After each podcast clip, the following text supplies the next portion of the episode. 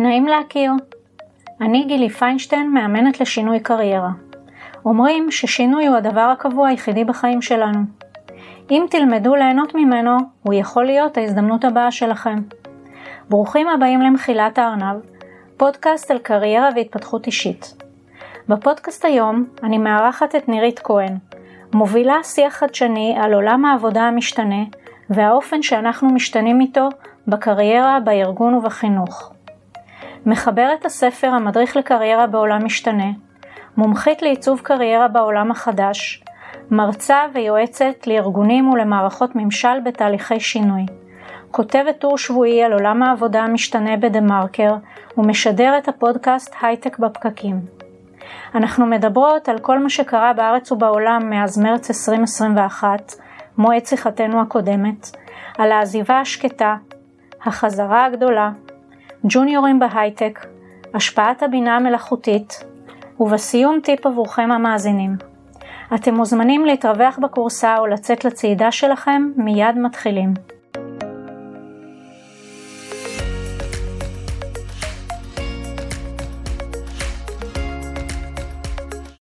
שלום נירית כהן, ברוכה הבאה למחילת הארנב בפעם השנייה. שלום וברכה, איזה כיף שהחזרת אותי. נכון. הפרק הקודם שהקלטנו ביחד עלה לאוויר ב-17 למרץ 2021. אז שוחחנו על התהליך שאת עברת בקריירה שלך וגם על המשמעויות של הקורונה וכל מה שחווינו נכון לאז. עברו שנתיים וחצי והרבה מאוד אה, דברים קרו. אז אני שמחה מאוד שהגעת היום. כדי לעשות לי ולמאזינים קצת סדר ולהסביר לנו וללמד אותנו על כל מיני דברים שקרו בזמן הזה, בעולם העבודה כמובן. ולפני שנתחיל אני אשמח שתציגי את עצמך בכמה מילים, ומי שירצה לדעת יותר פשוט יאזין לפרק הקודם שלנו. בשמחה, וואי זה באמת הרבה זמן. כל כך הרבה דברים קרו מאז תחילת 2021. אז אני נירית כהן, ואני עוסקת כבר מעל עשור באופן שבו העולם משתנה, בניתוחי מגמות, בלגזור מהן את הסיפור, ואחר כך בעצם את ההשלכות בין אם זה עלינו כאנשים עובדים ועל הקריירות שלנו ואיך שהן משתנות, בין אם זה בממד של ארגונים, ניהול, תהליכים, תפקידים של אנשים בתוך ארגונים, וגם אה, בכל המרחב של אה, חינוך ומערכות ציבוריות והאופן שבו הן צריכות להשתנות הרבה יותר לאט, אבל עדיין להשתנות בתוך העולם הזה שסביבנו. ואנחנו נפגשנו ב-21 זה אומר שכבר לא היה צריך לשכנע שהעולם עומד להשתנות כי בעצם בערך עשר שנים לפני ש-2020 קרתה לנו אני הייתי מנסה לשכנע אנשים שיום אחד אה, אנחנו לא נעבוד כמו שאנחנו עובדים והרבה דברים יהיו אחרים ותמיד הייתי משאירה בסוף איזה טיפה על מה נעשה כשנגיע לשם ואז הגיעה הקורונה ולא הייתי צריכה יותר לספר שזה יקרה ורק אה, מה עושים עם זה. נהדר. בהסתכלות לאחור, מה אפשר לומר על השפעת הקורונה? מה הדברים הטובים והפחות טובים שהיא גרמה לנו? בעולם העבודה לדעתי באופן אישי, רק דברים טובים, ואנחנו עוד לא מגרדים את הקצה. בשונה ממקרי, ממצבי חירום שאנחנו בוודאי מכירים אותם, הקורונה הייתה ארוכה. ובמצבי חירום בעבר אנחנו מכירים שאתה ככה לכמה ימים סלש שבועות מתארגן אחרת בעולמות העבודה או סביב צרכים שקשורים בילדים, איפה שאתה גר וגיאוגרפיה וכולי. הגיעה קורונה, ועם כל הכבוד זאת הייתה קודם כל מחלה, והיא אימתה אותנו עם העובדה שהחיים קצרים. וכל יום שאנחנו באות לעבודה זה יום החיים שנתנו בסחר חליפין שכדאי שיהיה שווה את זה. ואנחנו רואים שהרבה אנשים שאלו את עצמם את השאלות האלה. ככל שמשך הזמן התארך, פחות או יותר שנה אחרי שהקורונה פרצה, קצת יותר, התחלנו לראות עזיבות מסיביות של אנשים מעבודה וזה האנשים שהייתה להם עבודה. אני לדבר על כל האנשים שישבו בבית בין אם זה פוטרו או בחל"ת ואני מדברת על מגמות עולמיות זה לא רק בארץ כמובן. וזה לא מצב נורמלי שאת יושבת בבית ואת אפילו לא יכולה לחפש עבודה. ואז בעצם המחיר של לנסות להגשים חלומות או לחפש אפיקים חדשים זה כל הדברים האלה שבמהלך נורמלי אנחנו אומרים לעצמנו טוב מה אני אסכן את מה שיש לי את היציבות אני לא אלך עכשיו לחפש לראות אם יש משהו יותר מעניין או יותר טוב או להגשים איזה חלום שהיה לי זאת אומרת לא הייתה לי אלטרנטיבה לא יכולתי לחפש משהו אחר ואז בעצם אמרתי טוב אז אם אני לא יכול לחפש אז אני אלמד או אני אקים אתר, או תמיד רציתי לכתוב משהו, או תמיד רציתי ללמוד קרמיקה, או תמיד רציתי להקים חנות באי-ביי. כל הדברים האלה בעצם המחיר הנורמלי של הדבר הזה ירד לאפס. בעצם לאנשים היה זמן לשבת ולחשוב לא רק על עבודה, אנחנו פה נדבר על ההשלכות של עבודה אבל אנשים יכלו לחשוב על כל דבר שהם רוצים לעשות בחיים. כן, כשאני אומרת להגשים חלומות הם לא חייבים להיות עבודה, אנחנו רואים את התוצאה של זה היום בצורה מאוד ברורה, המקום הזה שכמו שאמרתי כל יום שאת הולכת לעבודה נותנת יום מהחיים, זה גם כל הדברים האחרים שאת יכולת לעשות. עכשיו אנשים ישבו בבית, הם גילו שוב את המשפחה, גילו שוב איך נראית ארוחת צהריים עם הילדים, זאת שג'ינגלנו בטלפון מרחוק. הם גילו שוב אולי את היכולת לעשות ספורט, או את היכולת לקרוא ספר, או אפילו את היכולת לנהל אחרת את היממה. וזה גרם להם א' להבין שהם לא רוצים לחזור למסגרות כמו שהיו, ואת זה ראינו בנתונים. לנהל משא ומתן מחודש על איך אני רוצה לעבוד עכשיו, כי אני רוצה לעבוד אבל אחרת, וחלקם גילו בעצם שהם יכולים לייצר לעצמם פרנסה או אפילו ממש לעבוד בעשייה מלאה מדברים אחרים ולא חזרו לשוק העבודה המסורתי. האם כשאמרת שאנשים יכולים לנהל משא ומתן את מתכוונת שזה קרה לאנשים כשהם חיפשו את העבודה החדשה או שאנשים עשו את זה גם מתוך העבודה הקיימת שלהם? זה קרה בשלבים.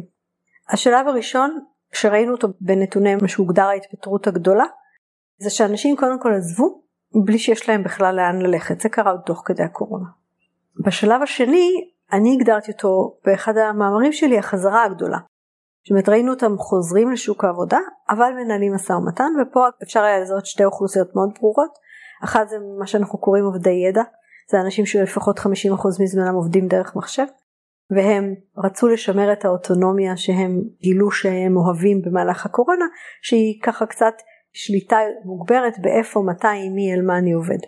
הקבוצה השנייה אגב הייתה עובדי שכר המינימום אנחנו מכירים את זה מהעובדה שמסעדות אמרו שהן יכולות לפתוח כי אין מלצרים או אין שוטפי כלים ובשדה התעופה תורים בנתב"ג כי אין בודקים וזה בעצם אנשים שבעבר כן קיבלו סוג של take it or leave it סביב התנאים והמשמרות זה לא רק כסף זה גם צורות העבודה. והיום באו ואמרו לא אני רוצה לעבוד רק ככה ומאחר ואתה צריך אותי אז תגמיש את עצמך. זה היה השלב השני. השלב השלישי זה מה שאת שאלת בחוכמה רבה זה שאנשים בעצם אמרו אני לא חייב להתפטר וללכת למקום אחר בשביל לנהל את המשא ומתן הזה אני אנהל אותו בתוך הארגון. זה קיבל בהתחלה את השם שאני מאוד לא מסכימה איתו שקראנו לו ההתפטרות השקטה שלזה היה קונוטציה כאילו אנשים מקטינים ראש ולא רוצים לעבוד. אבל אני חושבת שזה בעצם היה המשא ומתן כי בעצם כשמישהו בא ועושה לך משא ומתן בתוך מסגרת העבודה אתה אומר רגע שנייה למה לא כמו פעם מה זה הדבר הזה. אבל זה בעצם חוסך את הצורך בלהתפטר ולחזור מבחוץ. אנחנו רואים את זה גם בתוצאות, אנחנו רואים ארגונים מציעים היום דברים שהם לא הציעו בעבר, אנחנו רואים ארגונים שמאפשרים גמישויות שמעולם לא, לא אפשרנו, אנחנו פתאום אומרים שיום עבודה מהבית או יומיים כאילו לא מספיק, אבל אני מזכירה לכולנו שלפני הקורונה גם רוב הארגונים אפילו יום אחד מרחוק לא אפשרו. איזה שינויים קרו מהחזרה השונה הזאת למשרדים בעצם? היה סביב הדבר הזה הרבה בלאגן אני זוכרת, היום אנחנו ככה יותר בשקט אבל בשנה הראשונה אחרי הקורונה היה לזה הרבה בלאגן. כן כי הסיפור של העבודה מהבית ובמשרד הוא בעיניי לא הסיפור המהותי, הוא, הוא כאילו סימן את האזור של המאבק, לכן הגדרתי את זה האוטונומיה. בעצם בקורונה כל המערכת שמגדירה שאת קמה בבוקר מתלבשת נכנסת לאוטו מעבירה את עצמך מפרסונה של בית לפרסונה של עבודה מגיעה למשרד שמסמן התחלנו לעבוד, עושה בו את היום שלך, שהנוכחות פיזית מגדירה גם את השעות, ואת לא יכולה לקפוץ הביתה לאכול עם הילדים, אז את כבר אוכלת במשרד, ואת מסיימת את היום, אז גם הטקס הזה של לארוז את התיק ולהיכנס לאוטו ולחזור הביתה ולהחליף לנעלי בית, סימן לך גם את המעברים. ברגע שהדבר הזה השתנה, המון דברים משתנים שכאמור את חלקם אנחנו אפילו לא מצליחים להבין עדיין. זה לא רק השאלה מאיפה את עובדת, זה באיזה שעות, זה האם היום והשבוע צריכים להיות בנויים בצורה המסורתית, האם את נמדדת על זה שהתחלת וסיימת או את נמדדת על זה שיצרת משהו או לא יצרת משהו. שכיר מקבל כסף על עצם זה שהוא הגיע למשרד או העביר שעון לצורך העניין. כל מי שלא שכיר יודע שהוא מקבל כסף לפי התוצר. ואנחנו מדברים הרבה פעמים על למדוד תפוקות ותוצרים, אבל אנחנו עדיין מודדים מתי הבן אדם הגיע למשרד. אז המעבר הזה שבה עבודה מתנתקת ממקום שהולכים אליו הופך להיות משהו שאנחנו עושים, הוא מעבר מאוד עמוק. כשאנחנו מתחילים לעשות אותו, אז אנחנו בעצם מבינים שאנחנו לעשות כל מיני דברים. אני יכולה לעשות גם את מה שהמעסיק שלי צריך שאני אעשה, ואולי גם עוד משהו מהצד. אני יכולה להחליט שאני רוצה לייצר מיקסים שונים, אני רוצה להחליט שאני רוצה לפנות חלק מהזמן שלי ולא לקבל עליו עוד עבודה, אלא דווקא ללכת ללמוד משהו חדש. אני יכולה בעצם להתחיל לבנות אחרת גם את היום שלי, גם את השבוע שלי, גם את הזהות המקצועית שלי, גם את ההשתייכות שלי. יש הרבה מאוד מימדים של עבודה שמתפרקים עכשיו לרסיסים, ואנחנו נראה אותם מורכבים מחדש בצורות חדשות. עדיין היום, שנתיים, שלוש אחרי הקורונה. כן, כאן אמרתי אנחנו רק בתחילתו של התהליך, אבל ההתנתקות של עבודה ממקום זה לא שיחה על עבודה מהבית. זה פותח אפשרויות הרבה יותר גדולות. בוודאי נשים שמאזינות הן מכירות את זה שכשאישה צריכה למהר הביתה, נניח הורידו לה שעה במשרה שזה נהוג בהרבה מקומות עבודה, אז היא מאוד יעילה, היא פחות uh, מבזבזת את היום על שיחות חולין וכל מיני uh, דברים אחרים כי היא יודעת שהיא צריכה לצאת בארבע במקום שאחרים יוצאים נניח בחמש. כשאת uh, בבית או שאת יותר גמישה בצורת העבודה שלך את יכולה להחליט שאת מאוד יעילה ובזמן שמתפנה ללכת לעשות דברים אחרים. אז פתאום את יכולה לשלב פנאי בחיים שלך. זה לא חייב להיות עבודה. אנחנו רואים בצורה מאוד ברורה אני קראתי את זה באחד מהמאמרים העתיד של פחות עבודה. זאת אומרת תנועות מאוד מאוד גדולות שבאות ומנהלות משא ומתן על הפרופורציות בין עבודה וחיים. ואם פעם חיים היה מין אה, אני צריכה לגדל ילדים מה לא ברור בזה? עכשיו גם חיים זה אני רוצה לעשות חוג מקרמה מה לא ברור בזה? ואם החוג מקרמה נקבע לי ארבע אחרי הצהריים אז מה הבעיה שאני אעשה את זה בארבע אחרי הצהריים? כי מי אמר שאני לא יכולה ללכת הביתה בשתיים לאכול עם הילדים שלי צהריים ולחזור לעבוד בשבע אם זה מה שהעבודה דורשת או שלא כי אתמול עבדתי 12 שעות.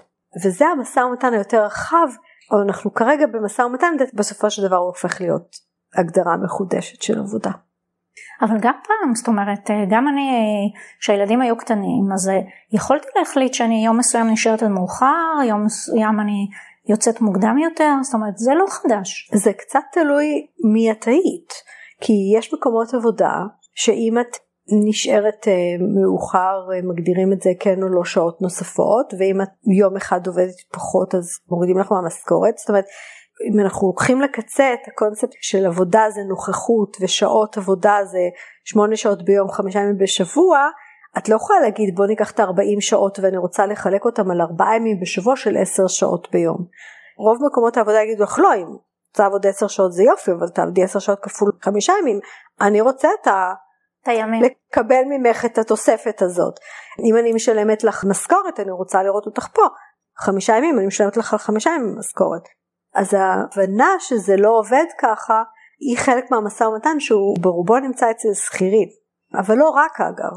אתמול בדיוק יצא לי לדבר עם איזשהו בחור צעיר והוא היה מאוד עסוק בזה שהוא עושה כל מיני דברים והוא לא מצליח לראות את הקו המקשר והוא היה קצת שכיר פה וקצת עצמאי פה ואני אמרתי לו להפך, אפילו יותר מזה, הוא אמר לי אני רוצה לבנות קריירה כדי שאני לעולם לא ארצה לצאת לפנסיה, כי אני גם נהנה וזה גם עובד לי באיך שאני רוצה לחיות, אבל הוא חשב שבשביל זה הוא צריך להגדיר את עצמו יותר טוב ואני טענתי שבדיוק להפך, וככל שאת מייצרת איזשהו פאזל שאת יודעת בכל רגע נתון להקטין חתיכות ממנו שכבר לא מתאימות לך ולהגדיר חתיכות אחרות ולייצר להביא חתיכות חדשות אז את יותר יכולה להתאים בכל רגע נתון את העבודה לחיים את החיים לעבודה.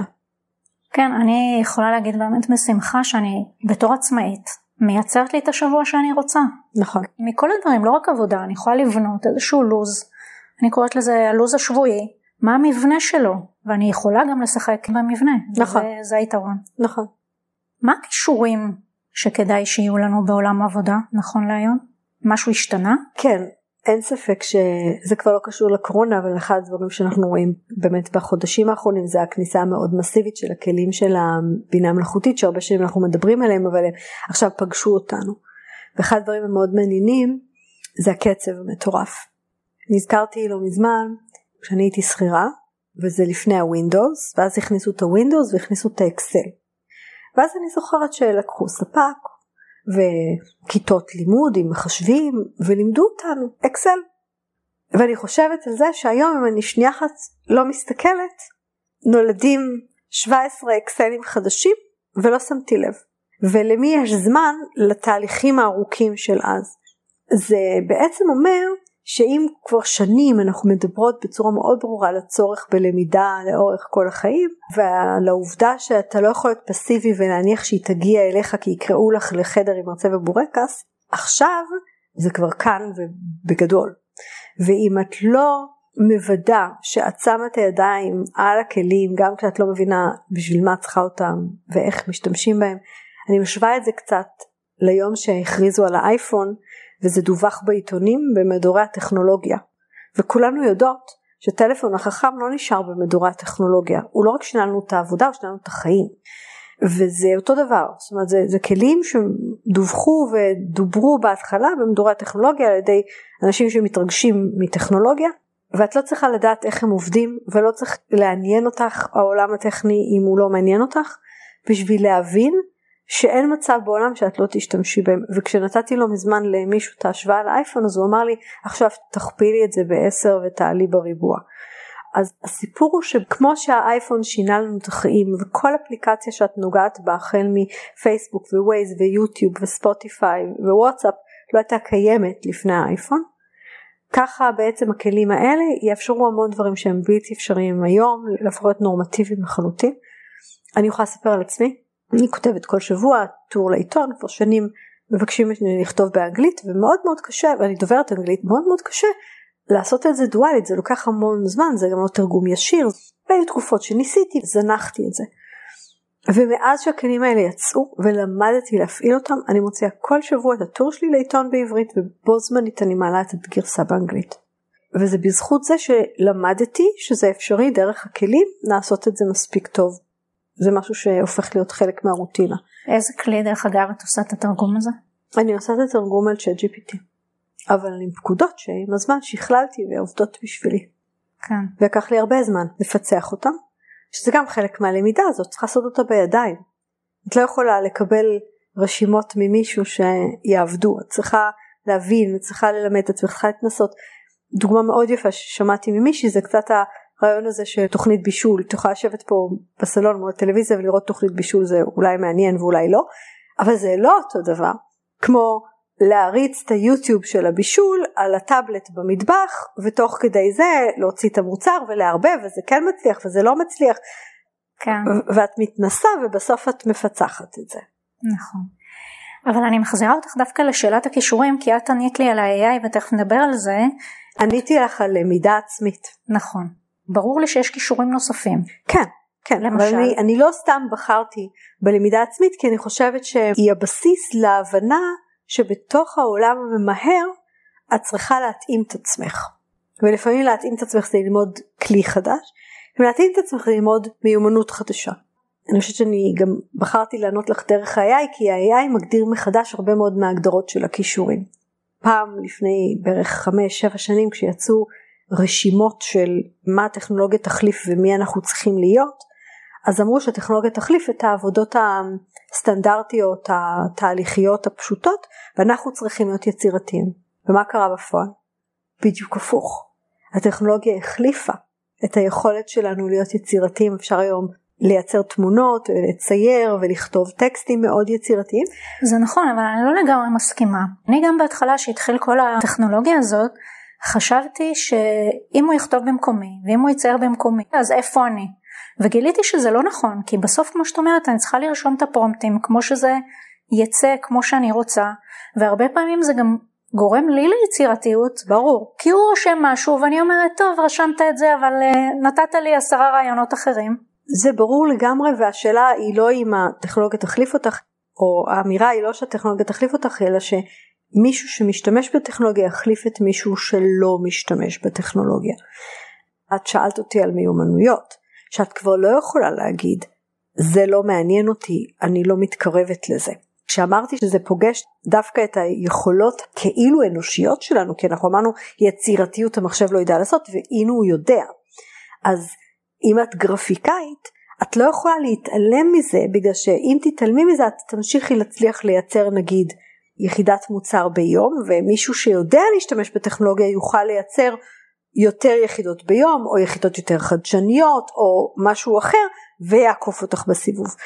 אז המיומנויות נדרשות כוללות בעצם למצוא באמת את הנישה של מה התפקיד שלי, מה הערך המוסף שאני מביאה, בהינתן כל היכולות והכלים שמשתנים סביבי, אנחנו לא יכולים להתעלם מהם. את יכולה להגיד, אני לא רוצה להיות כזאת גרפיקאית. אני לא אומרת את חייבת, אני רק אומרת, לא בטוח שאת תוכלי להמשיך להיות גרפיקאית רק עם סטנסיל ועפרונות צבעוניים בעולם שבו אנשים מסוגלים לייצר את זה וזה נכון מה שאמרתי עכשיו לכל מקצוע. אז מיומנויות כוללות את היכולת להזיז את הזהות המקצועית של עצמנו בהינתן הכלים, זה כן לזכור את מה שמשתנה, להתנסות בלי לפחד ולשאול את השאלה איפה הערך המוסף שאני מביאה. הרבה מאוד מהדבר הזה זה ניהול עצמי ומשמעת עצמית, דיברנו על למידה כבר, כל מיני צורות של שיתופי פעולה ויכולת לעבוד עם אנשים, עבור אנשים, לנהל אנשים ואותו דבר עם הטכנולוגיה, שיתופי פעולה עם הטכנולוגיה בכל מיני צורות. אנחנו מבינים שהצורות השונות של החשיבה שמאפשרות לנו להתנהל הן מאוד מאוד חשובות. אז התחלנו מזה שדיברנו על הקורונה, עברנו לנושא של חזרה לעבודה, התחלנו לדבר על אה, כלים שהשתנו. איך כל הדברים האלה בעצם משפיעים על המנהלים? זאת שאלה ממש מעולה מהמון סיבות. קודם כל כי אנחנו יודעים שאנשים משתנים הרבה יותר מהר מאשר מערכות. מה שאומר שהרבה פעמים מנהלים פוגשים את דילמות, את העובדים שרוצים דברים אחרים, את הדרכים השונות שאנשים מביאים לפתור בעיות של הארגון, הם פוגשים את זה הרבה יותר מהר מאשר הארגון הגדול, הנהלים שלו, בעלי התפקידים שאחראים, ומצד שני אנחנו לימדנו אותם כלים של ניהול בעולם שכבר לא נראה ככה יותר. האופן שבו לימדנו אותם לבנות צוות זה מותאם לצוותים שהיו ביחד הרבה וזה לא נכון יותר. האופן שבו לימדנו אותם לנהל אנשים מותאם לסביבת עבודה המשרדית שבה כולם ביחד. הרבה מאוד מערכות ארגוניות כמו ישיבות ותהליכים מותאמים לזה שאנחנו פחות או יותר עובדים באותם שעות באותם מרחבים רוב הזמן. בגלל זה את גם רואה את השיח המאוד סוער בעיתונות על ארגונים ומנהלים שרוצים להחזיר את האנשים אל המשרדים, בכלל המילה לחזור ל... מילה שהיא לא מסתדרת עם להתקדם לעתיד כי אין חיה כזאת לחזור לעתיד.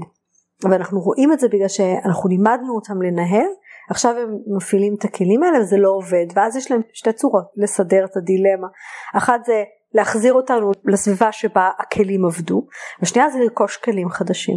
ומאחר ואנחנו עוד לא התארגנו על הכלים החדשים, אז הם מנסים להחזיר אותנו לסביבה שעבדה, וזה בערך העידן שאנחנו נמצאים בו עכשיו, של המאבק בין מנהלים לעובדים, אנחנו רואים אותו בהמון זה? מחקרים. מה זה אמרת עוד לא התארגנו על החדש. מי זה לא התארגן? מערכות שמלמדות מנהלים, יש להם מאחוריהם עשרות שנים של מתודולוגיות, של תכנים, וגם של אנשים שעברו הכשרות ואנחנו בעצם לא באמת הפנמנו עד הסוף שאנחנו צריכים לפתח תכנים חדשים, כלים חדשים ולהעביר אותם את המנהלים כדי שהם ידעו לנהל. כל מי שאי פעם ניהל צוותים גלובליים יודע שהכלים למשל לבניית אמון, להגדרות של יעדים ולהישאר עם היד על הדופק ולדעת מה האנשים שלך עושים הם אחרים כשאתה לא רואה אותם, לכן הלכתי לצוותים גלובליים, אנחנו לא ממציאים פה את הכל מההתחלה, אנחנו פשוט מזיזים. כל מי שניהל צוותים גלובליים יודע שאתה לא יכול לנהל את ההוא שיושב בסינגפור באותה צורה כמו שאתה מנהל את ההוא שיושב בקובייה לידך. חלק מזה זה בגלל שהוא בסינגפור ויש לו תרבות אחרת אבל חלק מזה זה כי אתה לא רואה אותו ואתה לא רואה את המצב רוח שלו ואתה לא יודע בדיוק למה הוא מתכוון כשהוא אמר לך ש...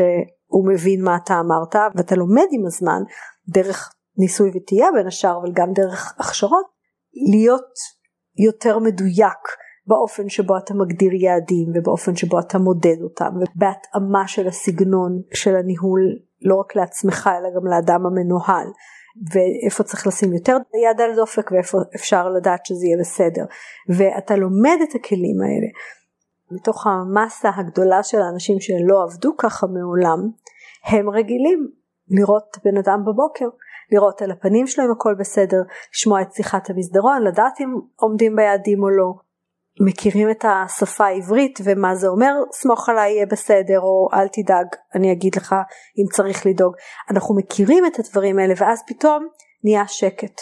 כי אנחנו לא נפגשים באותה צורה באותה תדירות באותם כלים ואנחנו לא מצליחים לבנות את האמון אנחנו לא מצליחים לבנות את הצוות וזה בעצם המקום שאנחנו נמצאים בו עכשיו. זה קצת נשמע לי כמו הפרומפטים של הצ'אט GPT. כן זה אגב ממש מעולה. ללמוד לדייק. מעולה. נכון, כי אם את שואלת אותו שאלות כלליות תקבלי תשובות כלליות ואני גיליתי שיש לי עוזר מחקר מעולה אבל אני צריכה לעבוד בשביל לקבל ממנו. כן, שזה לא הוא לא עונה לי טוב זה אני צריכה לא לדעת לשאול. אני לא שאלתי טוב. נכון. כן, מעניין. והשפעה על העובדים אם דיברנו על המנהלים? תראי כרגע כרגע העובדים ואני ככה היססתי לרגע כי אני אגיד את המשפט ואני יודעת שיש אנשים שלא מסכימים אותו ואני עדיין אגיד אותו. כרגע העובדים הם שולטים. השוק הוא שוק של עובדים, זה נכון בכל העולם. אין אבטלה, כן מיתון, לא מיתון, אין אבטלה. יש הרבה מאוד משרות פתוחות בכל התעשיות, מחפשים עובדים מיומנים ולא מוצאים את מה שצריך. וזה עד כדי כך שוק של עובדים שאפילו ממש בשכר מינימום בעבודות הכי זמניות אם אני הולכת למלצר במסעדה ומנהל משמרת צעק עליי אני אעבור את הכביש ואני אלך למסעדה ממול ואני אגיד מראש תדע לך שאני באה אותו שכר אבל עליי לא צועקים והוא יגיד תודה שבאת והוא יקבל אותך. אז אנחנו רואים את זה לכל רוחב התעשיות. ו... למרות שסליחה שאני כותבת כן. אותך אבל הבת שלי למדה דאטה אנליסיס והיא סיימה בהצטיינות זה לא תגידי שיש איזושהי בעיה בחורה חריפה והיא חיפשה עבודה וג'וניורים אה, בתחום הזה לא מקבלים אותם לעבודה.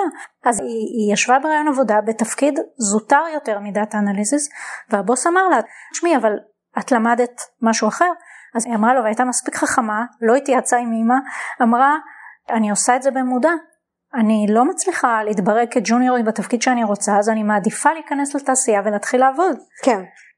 אני ככה אגיד את זה ואני עצרתי שנייה כי אני יודעת שיש אנשים שלא הסכימו איתי כי הנה ההבדל בינינו. אני מסתכלת על מגמות ואני גוזרת מהן וכשיש מגמה אז זה שאנשים מביאים לי אנקדוטות זה לא אומר שהמגמה לא נכונה עכשיו אני אגיד רגע משהו על ג'וניורים ועשיתי הרבה תוכניות בהייטק בפקקים על ג'וניורים קודם כל בתקופה שבה יש אנשים שנפלטים לשוק כי יש הרבה מאוד גם אם אני אומרת שיש המון משרות ולא מספיק אנשים יש עדיין תנועתיות הרבה יותר גדולה בשוק ממה שהיה בעבר והתנועתיות הזאת מייצרת מצב שמסתובבים בשוק אנשים עם יכולות ומאפשר לך להביא לארגון אולי אנשים שבעבר היה לך קשה להשיג. הרבה פעמים עכשיו אנחנו חזרנו למשא ומתן. זה חלק מהתהליך שבו אני אומרת שאנחנו רואים את האנשים האלה מכריחים את הארגונים להשתנות. כי כשהבן אדם הזה שהוא עזב עכשיו איזה סטארט-אפ שנסגר או, או פיטרו אותו מאיזה חברה שצמצמה ויש לו יכולות וניסיון ומישהו אחר מאוד שמח לקבל אותו בנקודה הזאת הוא מנהל משא ומתן על אבל אני מוכן לעבוד רק איקס ימים או בכלל אני רוצה שתדעו שאני גם לומד להיות אה, מטיס מטוס וכאילו שזה יהיה לכם בסדר שאני עובד רק ארבעה ימים בשבוע ואת כל כך שמחה שהבאת אותו שאת אומרת תודה. ואנחנו יודעים שזה כרגע יוצר מצב שלג'וניורים יותר קשה להתחיל והבת שלך שגדלה אצלך אז היא ספגה את העצות שלך גם מבלי לבוא ספציפית לשאול שאלה הבינה שהפתרון הוא שאתה צריך להיכנס ולהתחיל לצבור איזשהו רמה של יכולות וניסיון כי אתה לא ישירות יכול להיכנס על הטיקט whatever it is כן? אז אנחנו רואים את זה וזה בסדר גמור וזה חלק מההסבר ללמה זה קורה כי התנועתיות הזאת היא פותחת בעצם מצב שבו יש אנשים טובים. אחת המגייסות ענתה לי על אחד מהטורים שכתבתי ממש לא מסכימה איתך יש עכשיו שוק של מעסיקים אני יכולה לברור את מי שאני רוצה.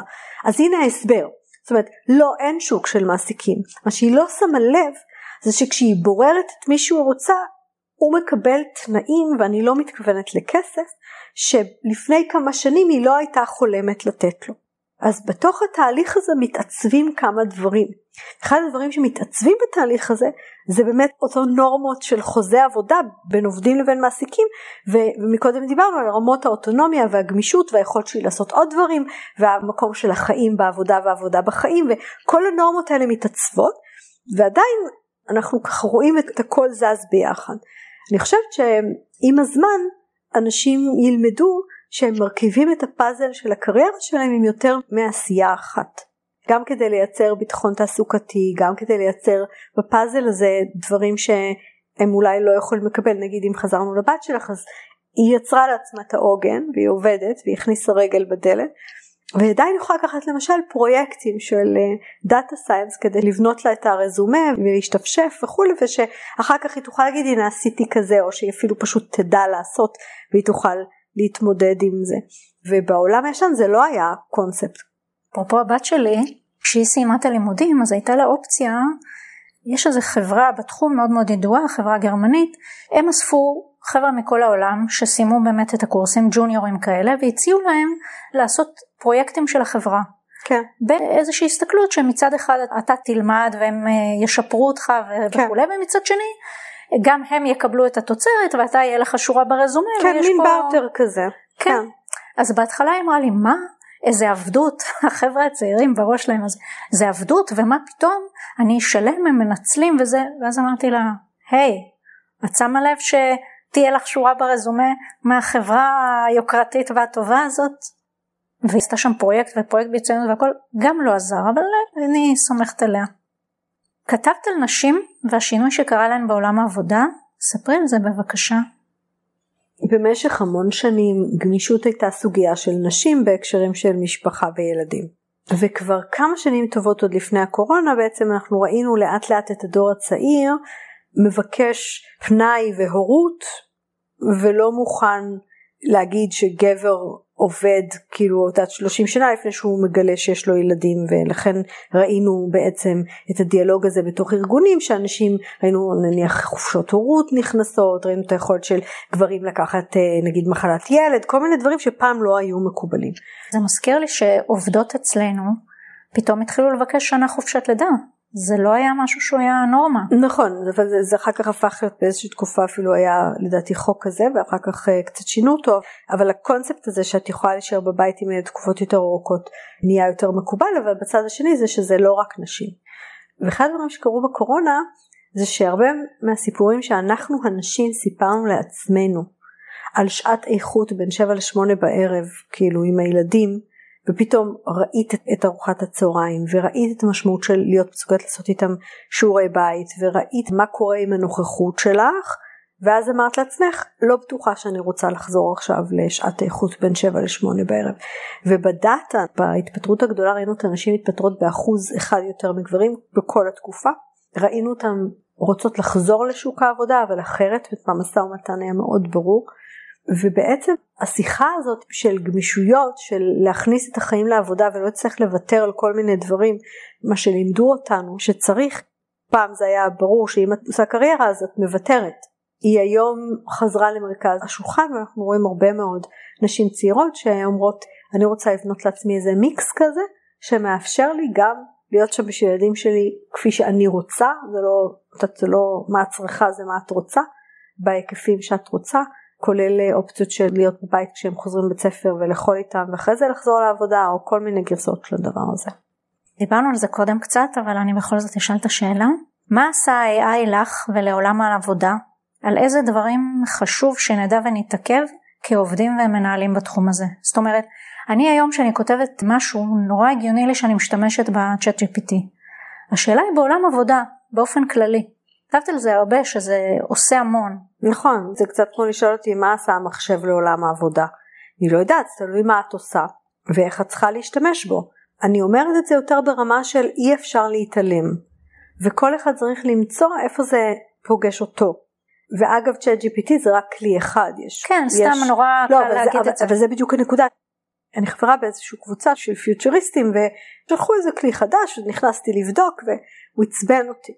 מה זה עצבן אותי? אני התייחסתי אליו כמו שאני מתייחסת לצ'אט GPT, אני שאלתי אותו שאלה והנחתי שהוא יכתוב לי את צ'אט GPT הוא מאוד ענייני, הוא כותב לך תשובות. כן. והוא כתב לי איזה מין פסקה ואז שאלתי שאלות כמו מה את אומרת ומה דעתך. מה פתאום הוא שואל מה דעתי? וכתבתי וואטסאפ שני הוא מעצבן אותי שהוא שואל אותי כל הזמן מה אני חושבת ומה דעתי ומישהו ענה לי בציניות מי היה מאמין שאני אתלונן שיש ל-AI יותר מדי אמפתיה אנושית.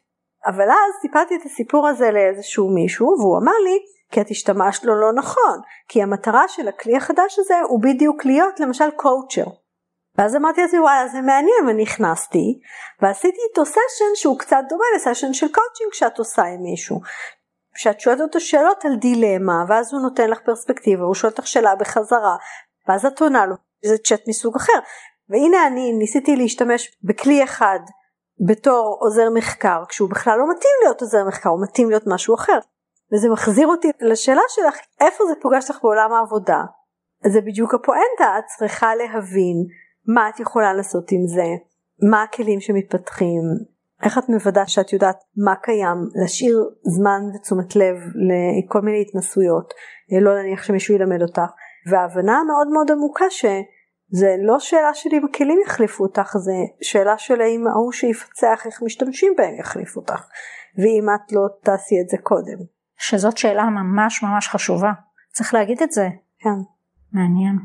איך השפיעו עלייך כל השינויים שקרו כאן בשנתיים האחרונות? אני עסקתי כסוג של כמעט קול בודד בשממה בעולם עבודה משתנה במשך עשור. בשבילי 2020 הייתה עתיד הרבה לפני שהיא ידעה שהיא תהפוך להיות כזאת. בדיוק דיברנו על הפודקאסט האחרון שלנו אז אנחנו ככה מקליטות עכשיו רגע לפני ראש השנה אז ממש רגע לפני ראש השנה לפני שנתיים פרסמתי את הספר שלי. בתוך התובנות שככה נולדו עם הכתיבה של הספר זה שאת מבינה שקריירה היא משהו מחזורי ובכל רגע נתון יש לך אלמנטים שהם בצמיחה ואלמנטים שהם ציבים ואלמנטים שהם בירידה. ואני חושבת שקורונה הביאה המון אנשים לתוך האזור הזה של עולם העבודה משתנה אז בואו נדבר עליו ונעשה איתו כל מיני דברים ולרגע הסתכלתי על זה ואמרתי אוקיי יש פה המון דברים שאני עושה שהם עכשיו כבר אה, עמוסים בהרבה מאוד כוחות מאוד חשובים שהגיעו לאזור הזה ופועלים פה אז אני לא צריכה להישאר כאן. היה לי שם איזה כמה חודשים שהכנסתי את עצמי די בכוונה אני חושבת זה פשוט מתודולוגיה שאני משתמשת בה לסוג של ואקום סוג של אה, להגיד אוקיי אני, אני מבינה שאני אני לא צריכה להמשיך לדבר על. תעבדו אחרת ותעבדו היברידי ותלמדו לנהל אחרת וכולי. צריכה למצוא את העולם עבודה העתידי החדש. זה היה לפני שה-AI הגיע, אני בטרנזישן, זאת אומרת בעצם מצד אחד קיבלתי פושבק בחזרה שאמרו לי לא לא אנחנו עוד לא, אנחנו עוד לא באמת יודעים להתמודד, את ואני דיברנו עכשיו על ניהול וכל הכלים, אנחנו לא באמת יודעים להתמודד עם זה ויש לי שם הרבה מאוד עבודה. ובוודאי אנשים שצריכים לעשות עכשיו שיפטים גם זה אזורים שאני מאוד פעילה בהם אבל אני כבר כמה חודשים טובים מפתחת חומרים ותכנים על מה שאני קוראת המפץ הבא של עולם העבודה. את מוכנה לגלות לנו? אפשר למצוא ברשת אפילו הרצאות מוקלטות ותכנים שלי אני כבר מסתובבת עם זה רוב הקיץ בדי הרבה הנהלות, זאת אומרת זה באמת שיחה עם הנהלות בחירות או עם uh, דירקטוריונים ששואלים כל אחד על העולם שלו, אבל uh, אנחנו נגענו בזה קצת, זאת אומרת אני חושבת שבתוך הפירוק של המבנים הקלאסיים של עבודה נגענו קצת בניהול ונגענו קצת במשרד הפיזי, יש עוד אלמנטים של מבנים קלאסיים שמאוד משתנים בתקופה הזאת, אז אנחנו יכולים לראות איך הרבה מאוד בחירות של או או, או בית עבודה או שכיר או עצמאי או משרה מלאה או משרה חלקית או מקצוע כזה או מקצוע אחר.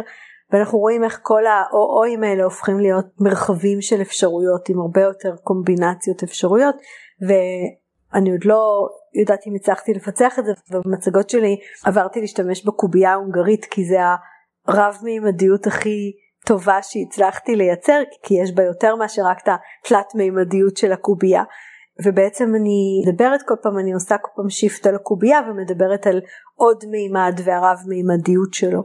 אז אפשר למצוא באתר שלי חלק מהחומרים האלה אבל יצא לי ממש לשבת אפילו אה, ברמה של אה, תעשיות נגיד מנכ"לים של חברות ייצור או של מפעלים או אה, הנהלה של ארגון בריאות גדול או איזושהי הנהלה של קמעונאות. ואת רואה איך תעשייה אחרי תעשייה אחרי תעשייה ואפילו תעשיות שחשבו שהן במרכאות פתורות מהסיפור הזה של העולם המשתנה? כי אנחנו שייכנו אותו לעבודה מהבית ואז אם זה מפעל או חנות זה לא רלוונטי. זאת אומרת אוקיי הנה זה כן רלוונטי בוא נדבר על זה ואתה מסתכל על איך זה משנה אנשים וציפיות וארגון וכל מיני תהליכים אחרים. כן זה מעניין. אנחנו עושים אה, שנה טובה כל שנה מההתנסות שלנו וכולי. ובדיוק אתמול אישרנו את הנוסח הסופי. היום אנחנו מדפיסים אה, את הדוגמה הראשונה לראות שזה טוב. אני מדברת על השינוי תמיד על השנה איך שעברה ואז אני אומרת השנה שלנו הייתה מצוינת כולנו חמסה חמסה אבל מה קרה במדינה בינתיים ומה זה ו... ואני נותנת את הדוגמה של הסיפור של העכבר ומלכודת העכברים, אני לא יודעת אם את מכירה, מכירה את הסיפור הזה? תספרי על זה, אני מתחברת. עכבר מסתכל, הוא רואה את העיקר ואשתו פותחים אה, קופסה והוא מאוד שמח, בטח יש אוכל טעים, ואז הם מוצאים, פותחים את הקופסה ויש מלכודת עכברים. ואז הוא רץ אה, בהיסטריה החוצה והוא צועק, יש מלכודת עכברים, מלכודת עכברים, ואז התרנגולת אה, מסתכלת עליו אה, ואומרת לו זה ממש לא מעניין אותי וזה אומר אני מצטער בשבילך וזה אומר ככה ובסוף מה שקורה זה שבלילה המלכודת משמיעה רעש ויש את העיקר רצה וחושך והיא לא רואה שבעצם היה שם נחש ארסי והוא מקיש אותה ולוקחים אותו לבית חולים והיא חוזרת הביתה ויש לה חום גבוה ואיך מטפלים בחום גבוה שוחטים את התרנגולת ואחר כך אה, היא הרגישה לא טוב ובאו הרבה מבקרים ואז היה צריך להאכיל אותם ואז החזיר, החזיר ואחר כך אה, היא מתה ואז באו עוד יותר אורחים ואז אה, שחטו את הפרה. בקיצור רק העכבר נשאר. נשאר. ואנחנו כזה, את יודעת, לפעמים אני, אנחנו מדברים על המשל או הנמשל, הפעם אנחנו אומרים מה הנמשל, כל אחד הנמשל שלו. אז יש בזה, אפרופו זה מאוד מאוד uh, קרוב למה שאת בעצם אמרת עכשיו, על זה שאנשים חושבים לפעמים שזה לא קשור אליהם. וזה לא נכון. לא נכון. נכון, אז אני חושבת שזה זה היה המסע שלי קודם כל לנסות להבין באמת איך נראה מפץ הבא ואחר כך לתרגם אותו לכל התעשיות שחשבו שהן פטורות ממנו. כאילו אמרו זה לא קשור אלינו הסיפור הזה. אני חושבת שאנשים או ארגונים שאומרים זה לא קשור אליי זה הרבה פעמים נובע לא באמת כי הם חושבים שזה לא קשור אליהם, השונאי שינוי מה שנקרא, אנשים ש... האחרונים של כן. ו... אבל את יודעת שחזרנו עכשיו לשיחה על מנהלים. ו... גם עובדים. כן, אבל הבעיה היא לא העובדים שונאי השינוי, הבעיה היא שהרבה מאוד מקבלי ההחלטות הם המנהלים שהגיעו לשם בזכות כל מה שהם עשו שהביאנו עד הלום. וזה המקום שבו מאוד קשה לקבל החלטות של שינוי. כי הרבה פעמים למטה מבינים את ההשלכות אבל הקבלי ההחלטות לא. ואנחנו רואים אגב במחקרים הרבה מאוד סיפורים מעניינים של הפער בין החוויה של העובדים כולל מנהלי קו ראשון לבין החוויה של מנהלים בכירים שצריכים לקבל החלטות, מקבלים את ההחלטות הלא נכונות על סמך החוויה שלהם עבור המסה הגדולה שזה לא החוויה שלהם. גם uh, לפעמים uh, יש חשש להעביר מסרים כלפי מעלה. נכון. ואז נכון. המנהל הוא פשוט לא קיבל את המסרים שהוא היה אמור לקבל אז נכון. איך הוא יחליט החלטה נכון. טובה. מה הטיפ או הטיפים שאת רוצה לתת למאזינים בעקבות הדברים שאמרנו כאן? אני חושבת שהכי חשוב זה שאף אחד לא יפקיד את העתיד שלו בידיים של מישהו אחר. של הארגון שאת יודעת יכין אותי ויכשיר אותי, של המדינה שתפתור לי כל מיני בעיות כאלה ואחרות. אף אחד לא פטור מהשינויים. יפגוש באיזשהו אופן את הקריירה שלכם מתישהו. גם אם לא מחר, מחרתיים, גם אם לא כרגע, בעוד רגע, זה יפגוש אתכם. זה לא משנה אם זה יפגוש אתכם בגלל שינויים שיבואו מבחוץ בתוך התעשייה שלכם או שזה יפגוש אתכם בגלל שינויים שיבואו מבפנים בגלל דברים שאתם תרצו לעשות ותצטרכו בשביל לאפשר אותם לעשות דברים אחרת.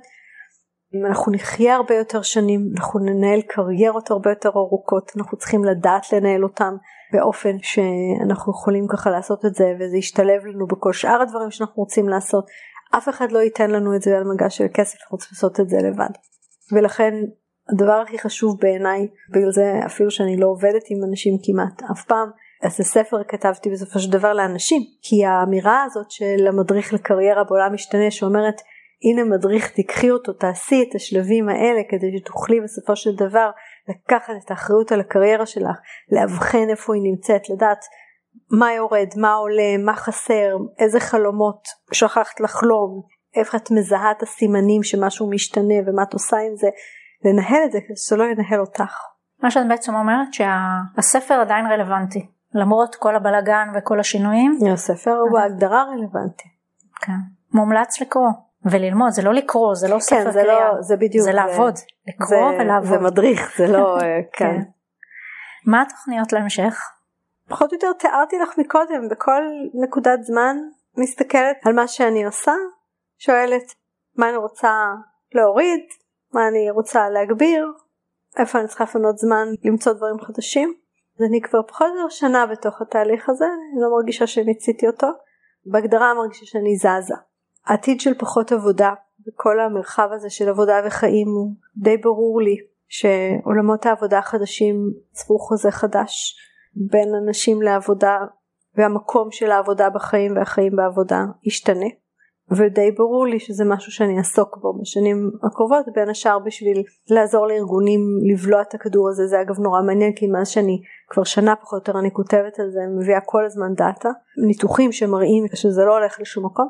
אנשים מגיבים נורא טוב כי כל אחד מאיתנו פוגש אותנו והאמירה הזאת של אני לא צריכה לעבוד כשאני לא רוצה לעבוד זאת אמירה שאת את כעובדת את אומרת אה וואלה ככה אני רוצה לחיות. ומעסיקים לא יודעים לאכול אותה כי זה לא החוזה שאנחנו מורגלים אליו ואני עסק יש לי עסק אני צריכה לנהל אז אני צריכה לדעת שאני עומדת בתפוקות ואני עומדת ברווחים אז אני חושבת שזה אחד האתגרים הגדולים שאני שלך ושל האנושות.